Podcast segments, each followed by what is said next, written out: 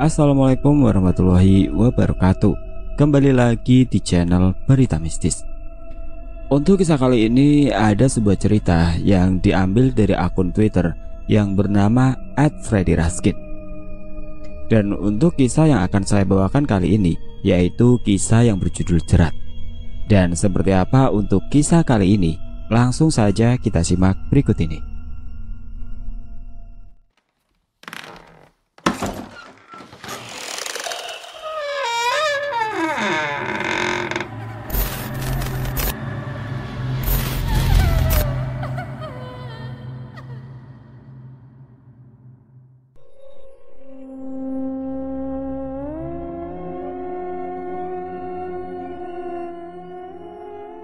Buah, buah durian berguguran sore itu.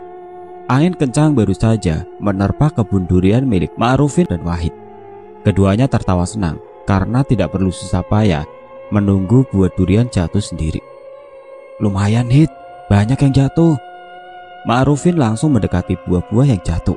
Wahid juga tidak mau kalah. Diambilnya karung goni mencari-cari buah durian yang banyak menggelitik. Keduanya tertawa senang menghitung banyaknya durian yang mereka kumpulkan. Menjelang maghrib, dua orang kawan lama itu baru beranjak. Mereka berlari menyusuri sawah yang menjadi batas kebun durian dan kampung. Karung berisi durian Wahid baru saja disandarkan di dinding dapur. Wahid duduk di kursi bambu yang ada di sebelahnya. Perlahan ada suara lari dari luar rumah. Pintu dapur terbuka, ada wajah Salma. Sepupu Wahid yang baru berusia 12 tahun muncul. Mas Wahid, Mas, Mas, ayo ke rumah, ibu sakit.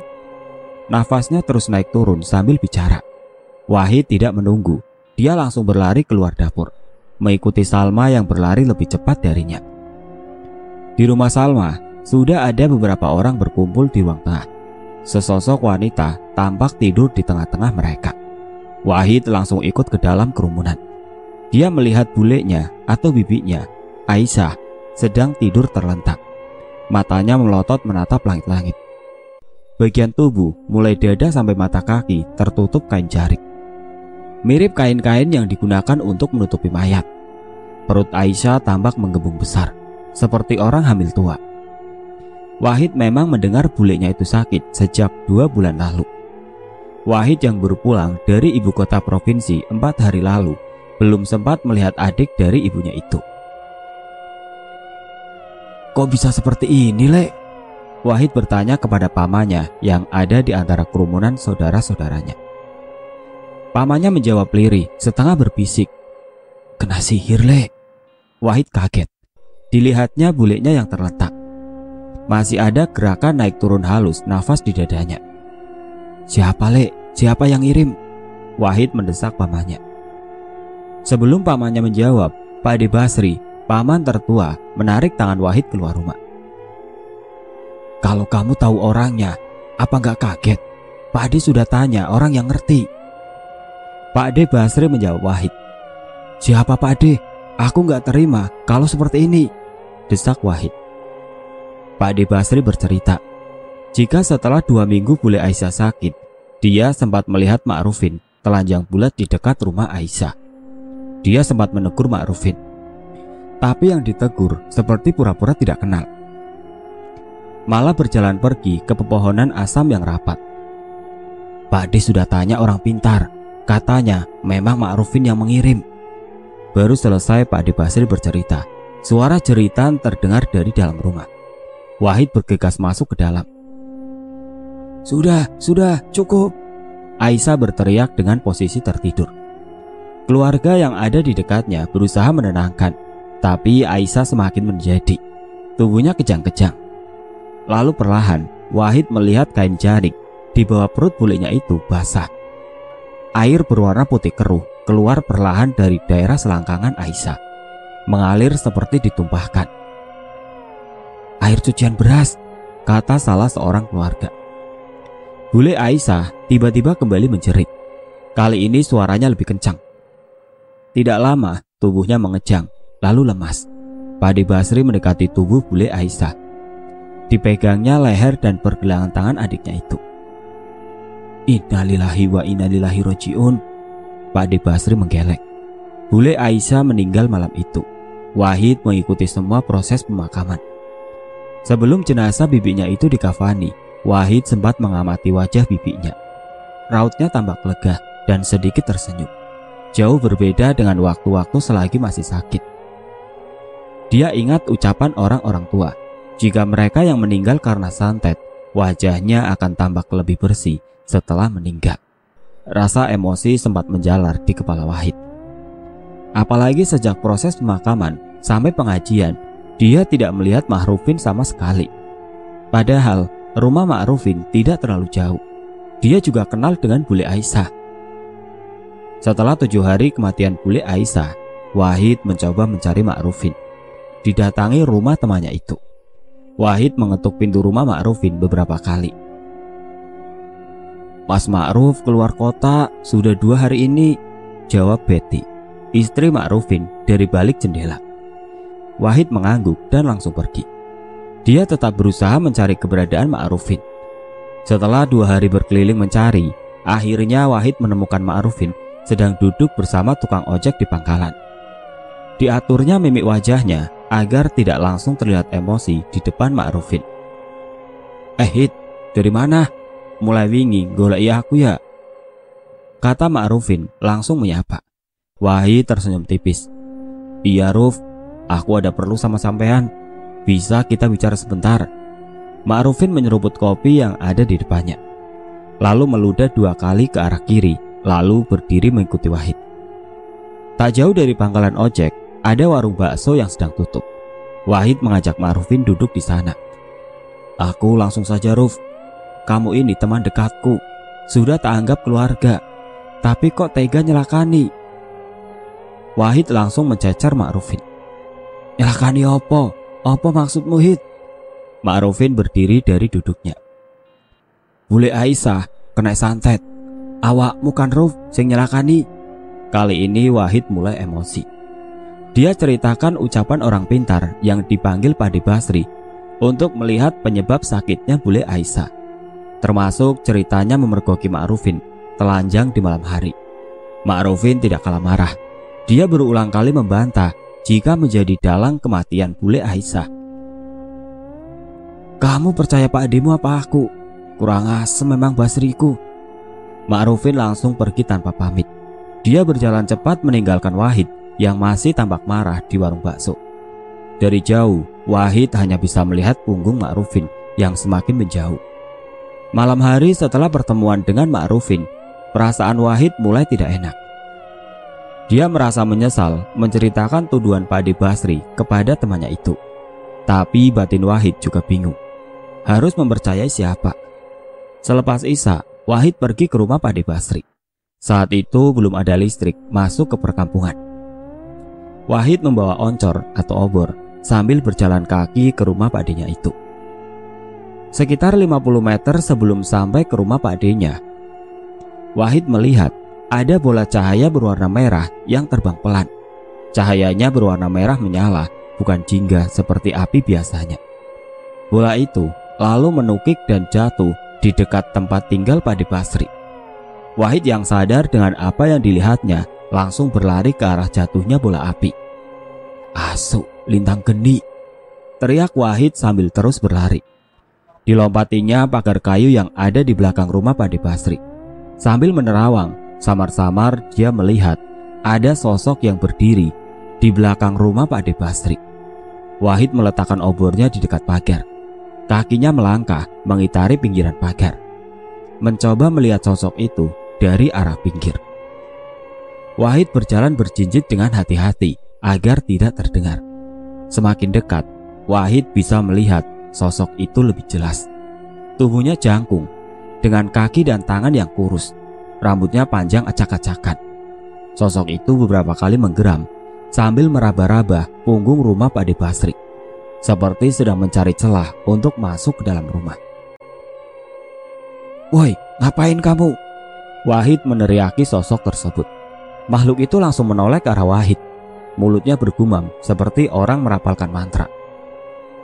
Melihat wajah makhluk itu, Wahid langsung berdiri mematung. mata makhluk itu hitam besar, melotot ke arah Wahid. Wajahnya rusak, seperti kulit yang hangus terbakar. Dengan mulut lebar dan hidung yang terus mengeluarkan lendir, perlahan makhluk yang terlihat marah itu mendekati Wahid. Kakinya melangkah berat sambil terus bergumam. Sudah hampir ciut nyali Wahid. Tangannya berusaha mencari-cari sesuatu di sekitar kakinya untuk dilemparkan. Langkah makhluk itu sudah dekat. Aroma tanah bercampur bunga busuk terasa di hidung Wahid. Tiba-tiba, pintu belakang rumah Pak De Basri terbuka. Wahid menoleh ke arah pintu. Rupanya, Pak De Basri yang keluar dengan istrinya Rosma karena mendengar suara teriakan Wahid. Setelah menoleh ke arah Pak De Basri, Wahid kembali menoleh ke arah makhluk tersebut yang ternyata sudah menghilang. Setelah peristiwa itu, Pak De Basri menjadi lebih berhati-hati. Dia memilih tidak tidur malam, bahkan kadang baru tidur menjelang pagi. Basri mengira ada yang ingin mencelakainya dengan mengirim ilmu sihir atau santet. Siapa ya nak, kira-kira yang mau nyelakai aku? Tanya Basri esoknya. Wahid hanya bisa mengira-ngira. Tidak tahu Pak De, mungkin orang yang sama, sahut Wahid sekenanya. Basri hanya bisa menggeleng-geleng. Seperti ini harus dilawan nak, kalau tidak bakal terus. Wahid mengangguk. Ajan maghrib baru saja selesai berkumandang. Wahid menyelesaikan sholatnya cepat-cepat.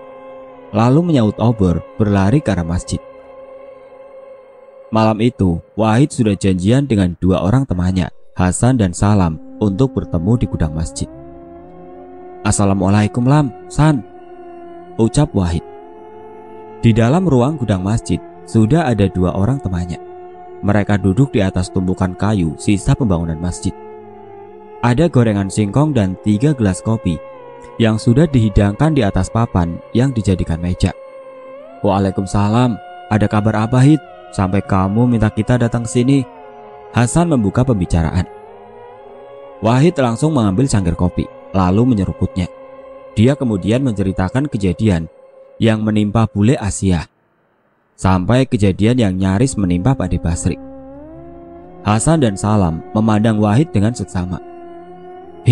Aku sebenarnya sudah dengar tentang ilmu yang dipelajari Ma'rufin. Kata Salam menyahut sambil merapatkan tubuhnya. Bahkan emakku sampai sekarang masih buta gara-gara Ma'rufin. Kata Salam lagi. Salam lalu bercerita tentang kisah yang menimpa ibunya setahun silam. Siang itu, Ibu Salam, Wati, sedang berjalan setelah pulang dari sawah. Dia berjalan agak cepat karena langit sudah mulai mendung. Saat sampai pertigaan jalan kampung, tiba-tiba Ma'rufin muncul menaiki sepeda pancal dengan kencang dan hampir menabrak Wati. Untung, Wati sempat menghindar mundur lalu jatuh terduduk sehingga tidak jadi tertabrak sepeda Ma'rufin. Matanya buta, dasar anak buta. Umpat Wati sambil menunjuk Ma'rufin. Orang-orang langsung berdatangan menolong Wati sambil ikut menyumpahi Ma'rufin. Sebaliknya, bukannya minta maaf, Ma'rufin malah tetap mengayuh sepedanya. Dia pergi sambil meludah, lalu menjauhi kerumunan orang-orang dan Wati yang sempat terjatuh. Empat hari setelah kejadian itu, Salam mendengar ibunya berteriak-teriak tidak lama setelah adzan subuh. Salam yang masih terlelap langsung berlari ke kamar Wati. Di sana, dia melihat ibunya menangis sambil membuka kelopak matanya dengan tangannya. Wajah Wati berusaha menoleh ke kanan dan ke kiri, tapi tidak ada apa pun yang dilihatnya. Bahkan Salam yang berdiri di depannya juga tidak terlihat. Sejak pagi itu, Wati menjadi buta. Salam tidak tahu harus melakukan apa. Sempat ia membawa ibunya itu ke puskesmas, tapi Pak Mantri tidak menemukan keanehan. Bahkan sempat dianggap jika Wati buta karena penyakit gula yang diidapnya. Kata emakku, sebelum dia buta, malamnya dia bermimpi ketemu monyet besar. Monyet itu mendatangi emakku, lalu melompat dan mencakar wajahnya. Emakku sempat melihat Wajah monyetnya mirip dengan Ma'rufin. Cerita Salam kepada Wahid dan Hasan. Setelah kejadian itu, Salam sempat berusaha meminta maaf kepada Ma'rufin.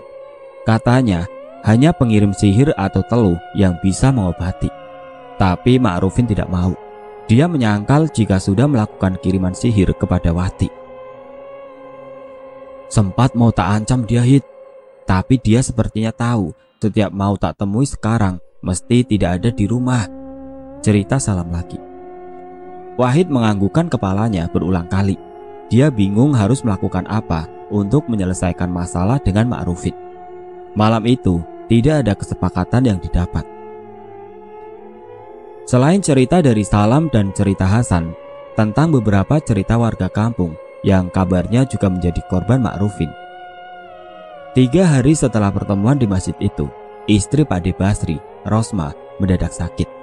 Awalnya hanya dikira demam biasa, tapi lambat laun semakin parah. Mantri di puskesmas lagi-lagi tidak menemukan keanehan. Hanya menebak-nebak jika Rosma kelelahan karena selalu bekerja keras di sawah. Rosma tidak mau makan.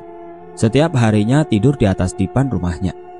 Beberapa kali dipaksa makan, selalu dimuntahkan. Wahid yang sejak kecil dekat dengan keluarga Basri, akhirnya sering datang untuk merawat Rosma. Malam ke-9 setelah Rosma mulai sakit, Wahid menginap di rumah Basri. Ada Seger, anak pertama Basri, dan Rosita, anak keduanya yang ikut menjaga malam itu. Ketika semua terlelap tidur, Rosita terbangun. Ada yang menyentuh pundaknya berkali-kali. Rosita membuka matanya dan melihat Rosma duduk di pinggir dipan sambil menyenggol-nyenggolkan kakinya yang kurus ke pundak Rosita. Emak lapar Ros, belikan tempe, kata Rosma. Rosita mengusap wajahnya, mencoba menghilangkan ngantuk. Emak lapar, Ros. Belikan tempe, kata Rosma lagi. Rosita langsung melek. Digoyangkannya pundak kakaknya yang tidur di sebelahnya. Kak, ibu minta makan. Seger yang digunjang-gunjang Rosita tidak kunjung bangun. Mas, mas. Rosita kembali menarik badan kakaknya. Tapi sama sekali tidak ada respon. Emak lapar, Ros. Mulut Rosma kembali mengucap lemah. Rosita tidak berpikir dua kali. Dia langsung berdiri, lalu mengambil obor di dapur.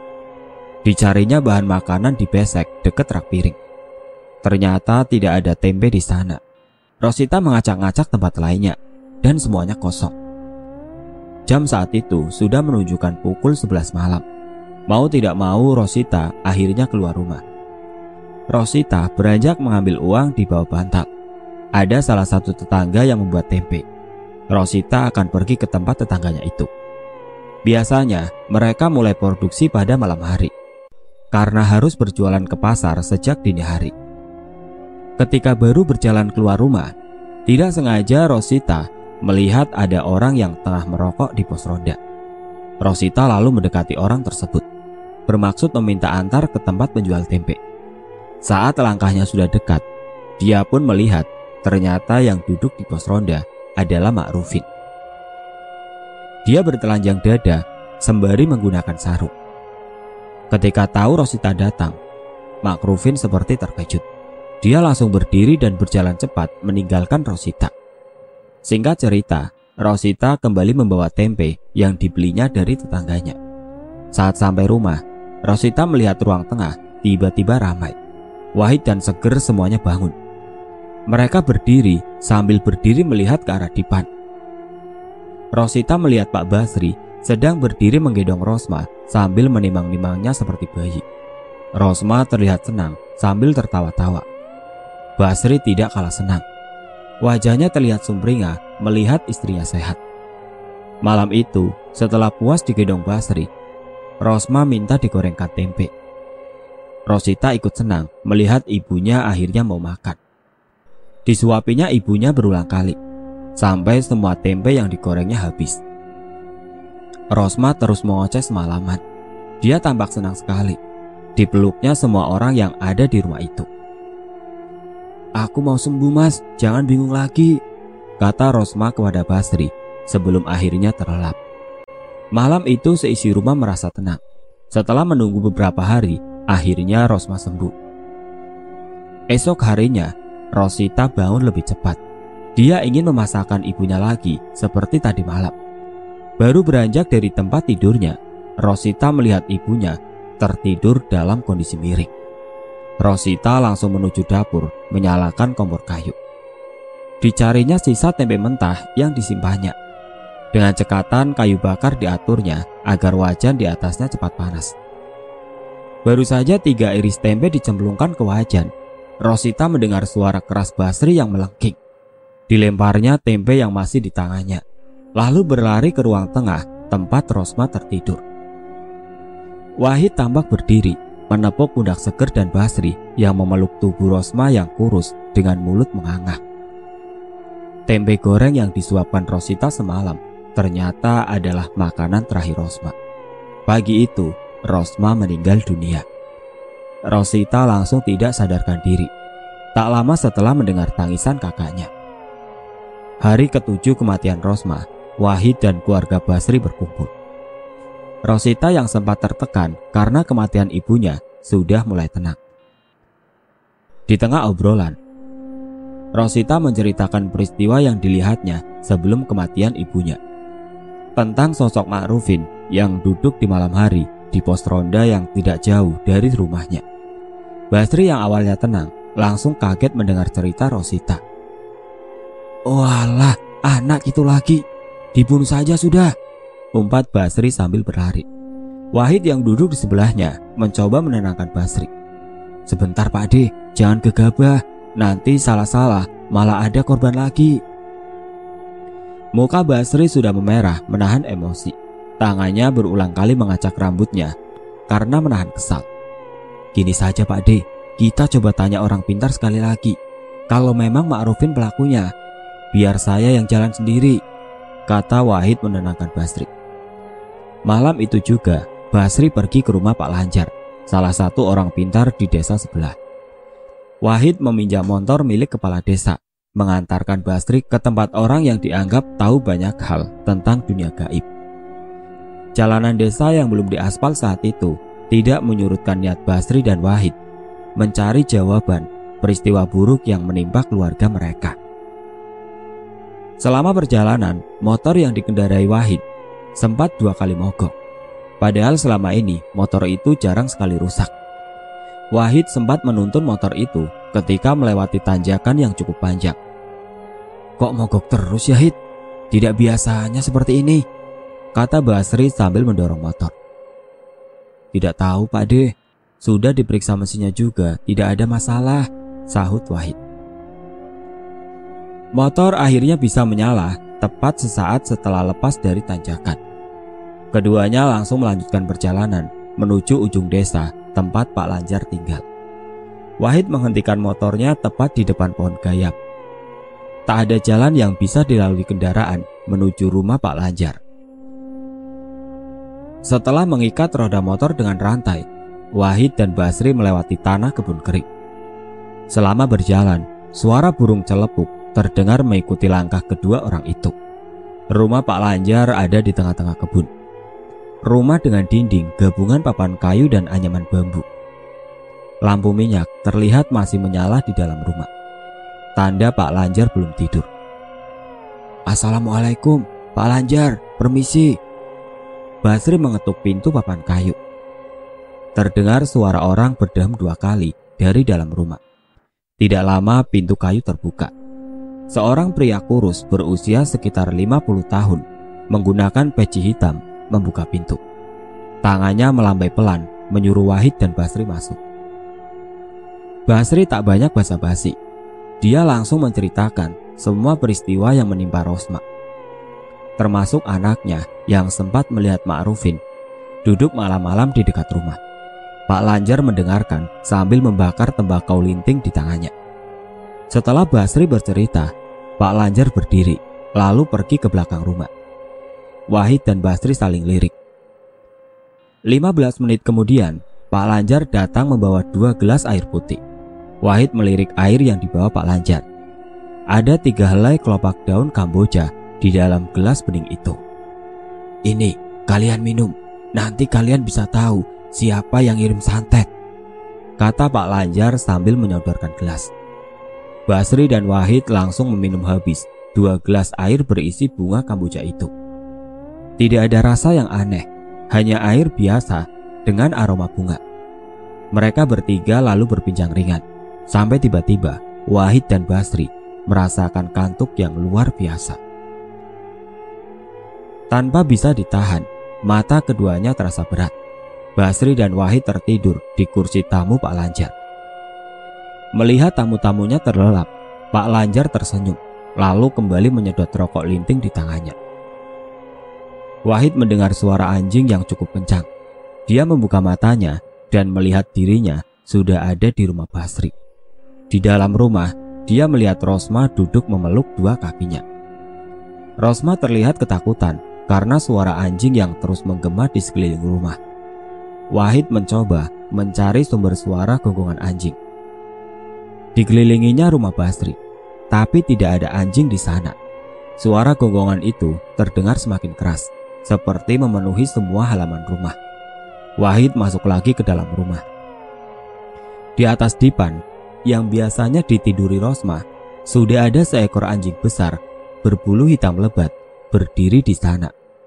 Wahid berjalan pelan sambil merogoh pipa besi dari bawah kursi tamu. Dia mendekati dipan Anjing itu terlihat diam saja begitu Wahid mendekat. Wahid lalu mengayunkan pipa itu sekeras mungkin ke atas kepala anjing. Pukulan yang diayunkan Wahid membuat anjing itu menggerap. Dia lalu melompat menerjang Wahid. Anjing itu lalu berlari keluar rumah. Wahid berusaha mengejar. Dia berdiri lalu berlari sekuatnya. Anjing itu tidak berlari jauh. Dia berhenti tepat di dekat pos roda. Wahid yang kelelahan ikut berhenti melihat anjing hitam itu diam. Perlahan anjing itu berdiri, lalu merubah tubuhnya menjadi seorang laki-laki. Cahaya lampu minyak di pos ronda memang tidak terlalu terang. Tapi Wahid bisa melihat wajah laki-laki itu menoleh ke arahnya. Lalu tersenyum tipis sebelum kemudian berlari ke kegelapan. Makrufin, teriak Wahid sambil terduduk. Ternyata Wahid masih ada di kursi tamu rumah Pak Lanjar. Dengan tubuh yang basah dengan keringat, Wahid melihat Pak Lanjar dan Basri yang duduk sambil melihatnya. Sudah terlihat nak, Pak Lanjar menanyai Wahid. Sampun pak, Ma'rufin. Jawab Wahid mengatur nafas. Entah apa yang diimpikan Basri, yang jelas Basri juga memberikan nama yang sama kepada Pak Lanjar. Aku sudah tahu sebenarnya, tapi untuk menuduh orang tidak bisa sembarangan, kata Pak Lanjar menasihati. Ayahnya Ma'rufin orang sakti, ilmunya turun ke Ma'rufin. Dulu bapaknya menguasai ilmu Pancasona, tapi tidak tahu apa itu diturunkan juga ke anaknya. Lanjut Lanjar. Setelah mendapat nasihat dari Pak Lanjar, Wahid dan Basri pamit pulang. Pikiran kedua orang itu terpecah sambil memacu kendaraan. Wahid mencari cara agar bisa menyelesaikan apa yang selama ini dilakukan Ma'rufin. Utang darah harus dibayar darah nak. Kedua bibimu belum waktunya mati. Basri memecah lamunan Wahid. Motor yang dikendarai Wahid mulai melewati turunan batas kampung. Baru 50 meter berjalan, tiba-tiba muncul sesuatu dari semak-semak dan langsung lewat di depan motor. Wahid yang tidak siap mengerem mendadak dan membanting setir.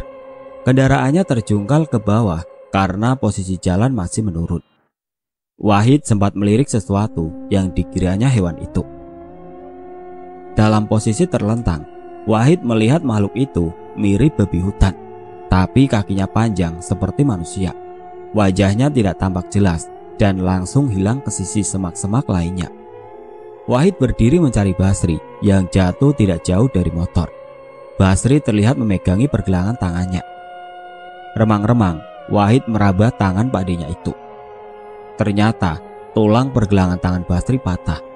Dengan susah payah Wahid mengangkat motor dan mengajak Basri naik, lalu kembali ke kampung. Jelas, ikut duduk hewan biasa, Le. Kata Basri. Rencana Wahid untuk bisa membeli pelajaran Ma'rufin mulai dipikirkan dengan cara matang. Basri jelas tidak bisa dilibatkan karena kondisi tangannya. Sore harinya, Wahid sempat bertemu Ma'rufin di warung nasi tidak jauh dari kebun durian mereka. Anehnya, Wahid seperti kehilangan emosi. Dia justru bercanda dengan Ma'rufin. Sudah banyak panen muhid. Ma'rufin membuka tas pinggangnya di depan Wahid. Gak terlalu banyak, Ruf. Aku sibuk ngurusi Pak Di Basri. Jadi banyak durian yang jatuh, gak kepanen, sahut Wahid. Ma'rufin hanya tersenyum, lalu menunjukkan puluhan lembar uang sepuluh ribu dari tasnya. Padahal harga durian lagi bagus hit. Wahid menoleh sebentar, lalu melanjutkan sendokan nasi ke mulutnya. Setelah pulang, Wahid baru teringat apa yang baru dilakukan bersama Ma'rufin. Emosi yang dari tadi seolah tidur mendadak muncul lagi. Wahid akhirnya membulatkan niatnya. Selepas maghrib, Wahid kembali mengajak Salam dan Hasan bertemu di gudang masjid. Wahid tidak banyak basa-basi setelah bertemu dua temannya itu. San, Lam, keputusanku sudah bulat. Aku akan membunuh Ma'rufin. Sudah tidak bisa dibiarkan. Mendengar ucapan Wahid, Salam menarik nafas panjang. Dia mengisyaratkan setuju dengan Wahid.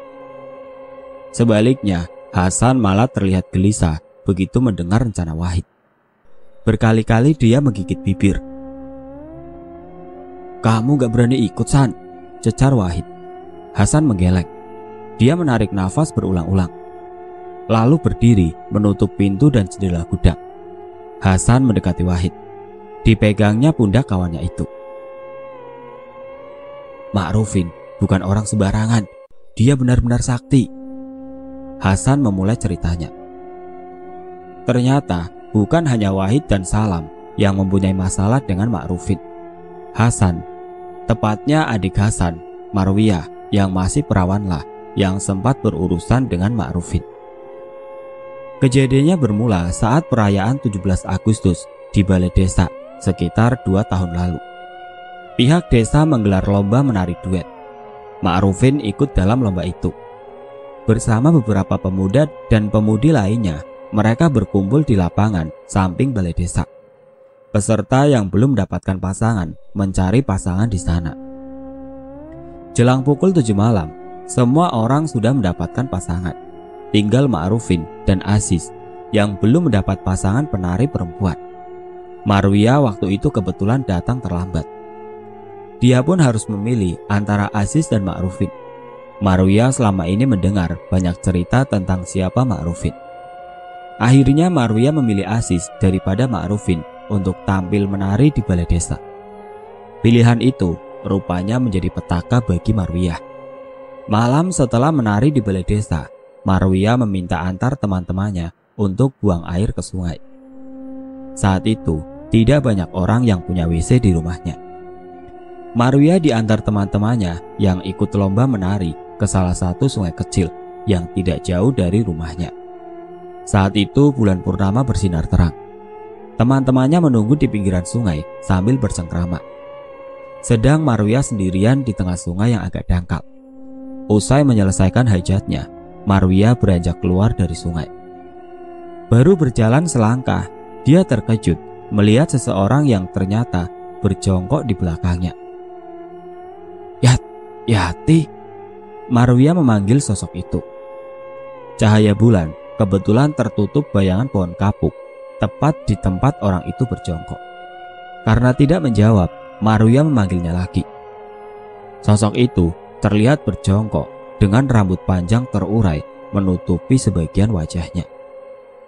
Yang Marwia ingat hanya Yati yang memiliki rambut sepanjang itu. Penasaran, Maruya akhirnya mendekati orang itu. Yat, kau diam? Sejak kapan ikut di sini? Sosok itu menggeram ketika Maruya mendekatinya. Eh, Maruya, kok lama? Ayo balik.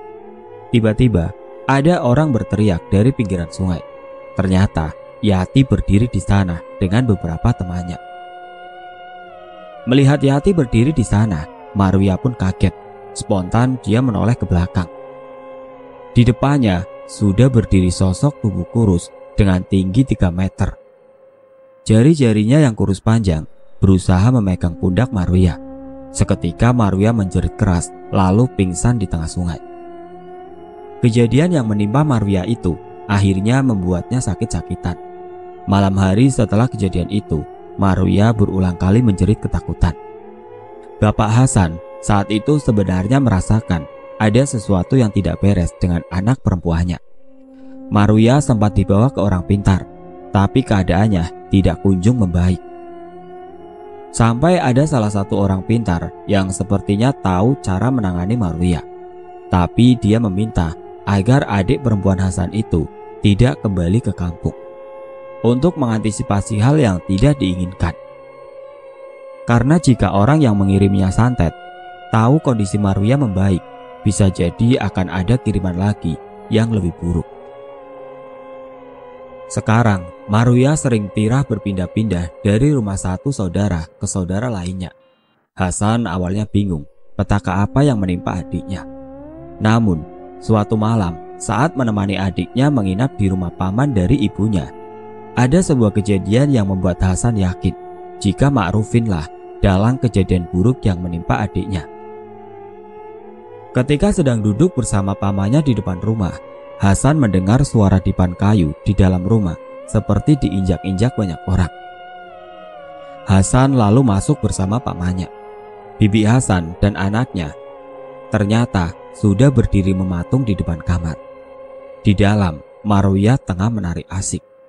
Seolah ada lawan menari, badannya bergoyang ke kanan dan ke kiri, membuat suara dipan kayu bergesekan ramai. Hasan berusaha menarik Marwiyah dibantu pamannya. Tapi Marwiyah malah menangis histeris. Aku ingin menari dengan Mas Ma'ruf, jangan dipisah. Hasan hanya bisa meneteskan air matanya melihat adiknya yang terus menangis seperti orang terkena gangguan jiwa. Setelah adiknya tenang dan bisa tertidur, malam itu juga Hasan mencari Ma'rufin. Diasahnya parang dan linggis yang sudah disiapkan dari rumah. Hasan hafal jika Ma'rufin selalu menyambangi pohon duriannya di malam hari. Hasan mengendap-endap bersembunyi di lebatnya pepohonan pisang tak jauh dari kebun Ma'rufin. Emosi yang sudah memuncak membuat Hasan tidak berpikir panjang. Tak lama, Ma'rufin lewat di depannya dengan menggunakan obor. Hasan langsung keluar dari persembunyiannya. Didorongnya tubuh Ma'rufin sampai jatuh ke selokan kering. Begitu tubuh Ma'rufin jatuh, linggis di tangan kanan Hasan langsung dihujamkan ke bawah. Mengenai kepala Ma'rufin. Tak hanya sekali, tapi berulang kali. Tolong, tolong ya Allah. Ma'rufin sempat melolong.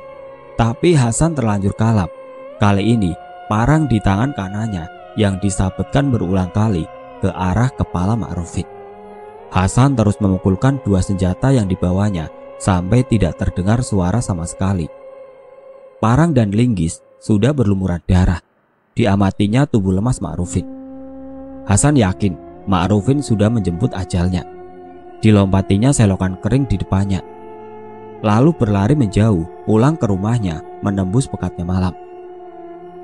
Dibasuhnya dua barang yang digunakannya membunuh Ma'rufin di pancoran air yang sepi. Hasan lalu pulang ke rumahnya dan tidur dengan perasaan takut bercampur lega. Esoknya, Hasan bersiap pergi ke sawah. Sebelum berangkat, dia mampir ke warung untuk membeli rokok kretek. Hasan masih membawa parang yang sempat digunakan menyerang Ma'rufin tadi malam. San, sepertinya parangmu tumpul. Biasa lagi supaya tidak karatan. Hasan menoleh ke belakang, mencari sumber suara yang mengajaknya bicara. Bulu kuduk Hasan langsung berdiri. Dia melihat Ma'rufin berdiri sambil menyampirkan sarung di lehernya. Ma'rufin lalu tersenyum dan pergi meninggalkan Hasan. Sebaliknya, sendi-sendi di kaki Hasan terasa ngilu. Keringat dingin mulai muncul di kepalanya.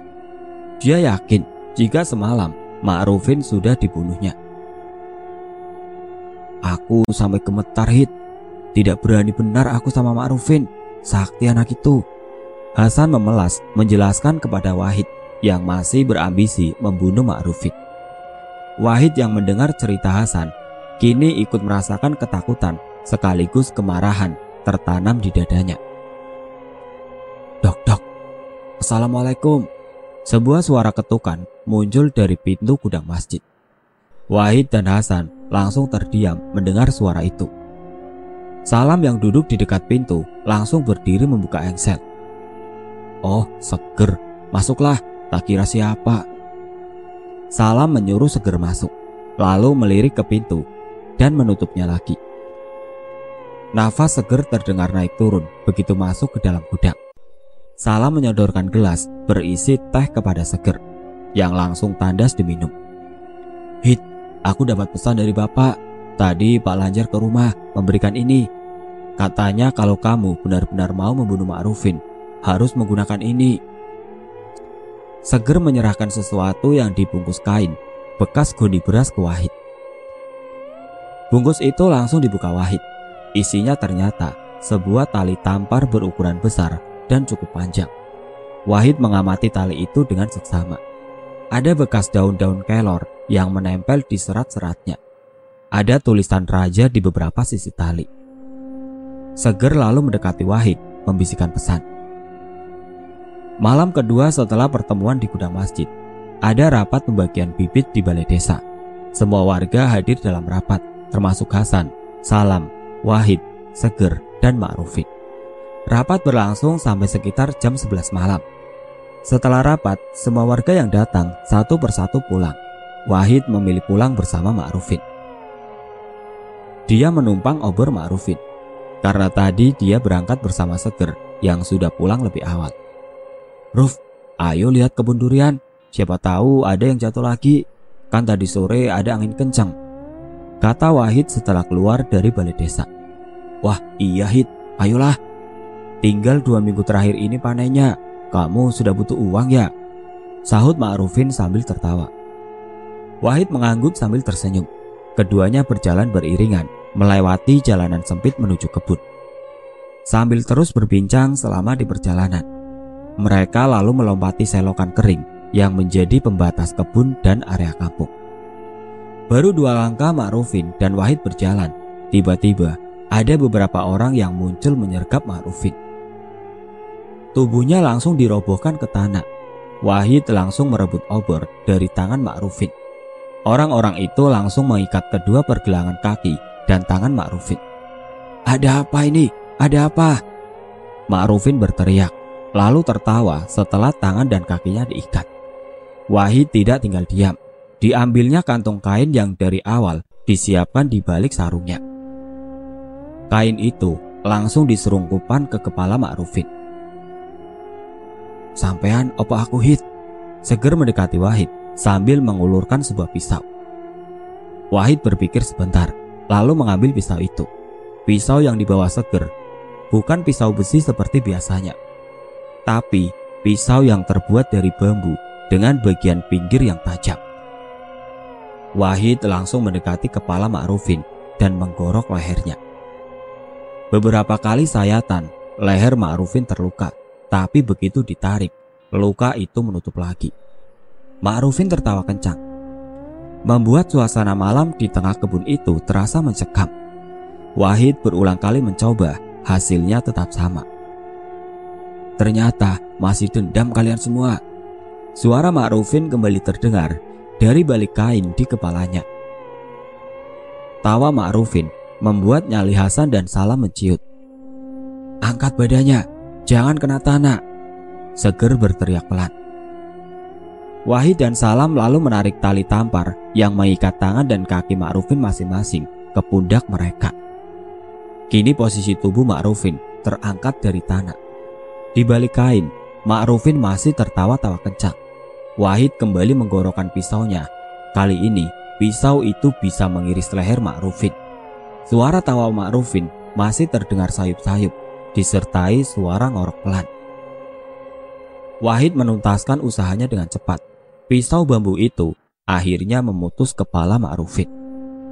Begitu putus, Salam dan Hasan langsung berlari sambil menggotong tubuh Ma'rufin yang sudah tidak berkepala. Mereka berlari menyusuri dua sungai. Mereka menuju ke sebuah liang lahat yang sudah mereka siapkan di ujung kebun milik Salam sejak sehari sebelumnya. Sambil terus berlari, tak kurang-kurang godaan mengganggu langkah keduanya. Langkah mereka yang seharusnya hanya terdengar empat tapak kaki terdengar ramai. Hasan menoleh ke belakang. Ada dua makhluk jangkung yang ikut berlari dengan posisi terbalik seperti kepiting. Mereka berlari tepat di belakang Hasan. Lam, di belakangmu Lam. Hasan bergidik. Sudah, jangan dilihat, harus berlari. Saud Salam. Liang lahat yang disiapkan Salam sudah tampak menganga di ujung kebun. Salam kembali menguatkan ikatan di kaki dan tangan tubuh Ma'rufin. Liang lahat yang disiapkan sudah tertutupi papan kayu. Salam langsung melempar tubuh Ma'rufin, lalu ditutupnya dengan papan kayu. Di sisi lain kebun, Wahid yang berhasil memutus kepala Ma'rufin langsung membungkus kepala itu dengan kain. Dia lalu berlari ke arah berlawaran dengan arah tubuh Ma'rufin yang dibawa Salam dan Hasan. Seger lalu memanjat sebuah pohon sukun yang cukup tinggi. Sesampainya di atas, Seger mengulurkan tali tampar kepada Wahid yang ada di bawah pohon. Kepala Ma'rufin yang sudah terbungkus kain diikat dengan tali. Kemudian dikerek Seger ke atas pohon. Seger mencari posisi ujung pohon yang tidak mungkin dijama orang. Suara tawa Ma'rufin sempat menggema sebelum akhirnya hilang disertai angin kencang yang menggoyang pohon sukun. Setelah memastikan kepala itu ditali dengan benar, Seger lalu turun menemui Wahid di bawah pohon. Sambil membakar rokok, mereka menunggu Hasan dan Salam. Tidak lama, kedua orang yang ditunggu datang. Mereka langsung mencopot baju mereka yang sempat berlumuran darah, lalu membakar pakaian mereka dan mengubur sisanya. Keempat orang itu saling menoleh, kemudian kembali ke rumah masing-masing. Empat hari setelah kejadian itu, Wahid sempat diinterogasi petugas kepolisian karena keluarga Ma'rufin melapor jika sempat melihat Wahid pulang bersama Ma'rufin sebelum hilang. Tapi semua orang kampung yang ketika itu ikut rapat di balai desa yang ikut menjadi saksi, semuanya kompak mengatakan jika Ma'rufin pulang sendiri setelah dari balai desa. Petugas pun menghentikan pencarian Ma'rufin. Setelah tujuh hari, Seger dan Wahid diam-diam mengambil kepala Ma'rufin yang masih tergantung di atas pohon sukun. Tanpa membuka ikatan, mereka membawa kepala itu lalu menguburnya tak jauh dari kebun durian Ma'ruf. Wahid sempat cukup lama merenung setelah peristiwa itu. Dia kerap mendatangi rumah tokoh-tokoh seperti kiai dan ustadz sambil menceritakan apa yang sudah dilakukannya kepada Ma'rufin. Hampir semuanya mengatakan jika Wahid tetap berdosa besar karena menghilangkan nyawa manusia, apa pun alasannya. Sampai suatu hari, Wahid mendatangi salah satu kediaman ulama karismatik yang tinggal di salah satu pulau. Wahid diterima dengan baik saat berkunjung ke sana. Di sana, ulama tersebut mendengarkan semua detail cerita Wahid Selepasnya, ulama tersebut meminta agar Wahid bertaubat dari semua dosa-dosanya dan berharap Allah mengampuni semua dosanya. Setelah pertemuan itu, Wahid kembali ke kehidupannya semula. Serangan santet kepada warga kampung juga mulai hilang, meski ternyata sudah ada satu dua orang yang menjadi murid Ma'rufid.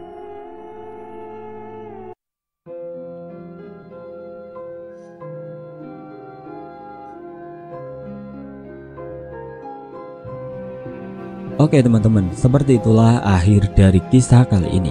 Bagaimana menurut kalian tentang kisah ini? Tulis komentar kalian di kolom komentar. Dan untuk yang baru bergabung, jangan lupa untuk like, komen, share, serta subscribe channel ini. Dan nantikan kisah-kisah horor berikutnya tetap di channel Berita Mistis. Wassalamualaikum warahmatullahi wabarakatuh.